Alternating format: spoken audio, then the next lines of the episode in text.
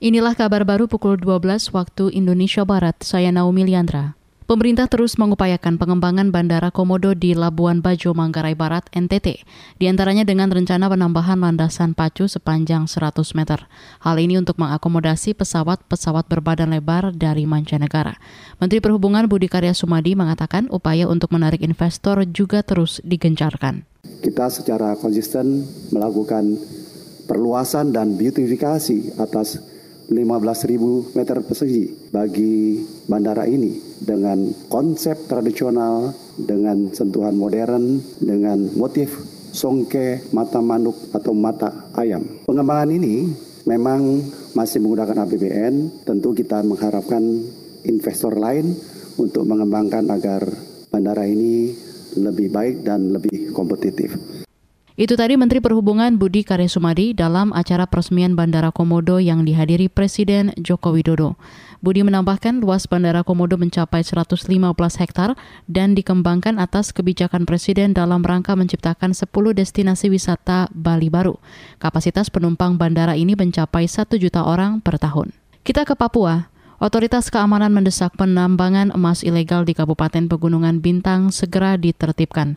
Komandan Korem 172 Prajawira Yakti Jayapura Junita Omboh Sembiring mengatakan, desakan ini menyusul aksi pembunuhan terhadap seorang pendulang emas Kampung Kawe distrik Awinbon Pegunungan Bintang kemarin.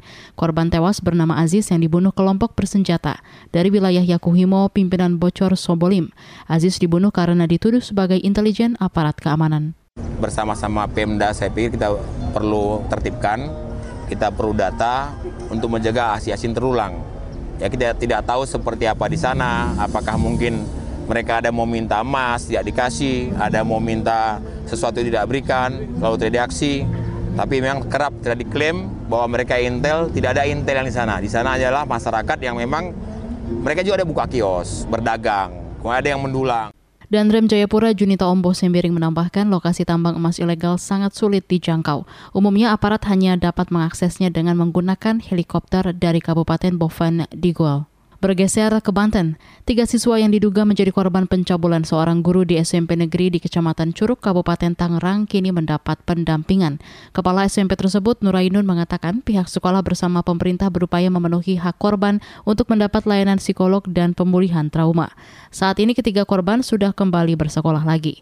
Nurainun menjelaskan tindakan pencabulan dilakukan oleh seorang guru agama berusia 28 tahun berinisial AR. Kasusnya terjadi di luar waktu belajar yang yakni saat kegiatan ekskul pramuka.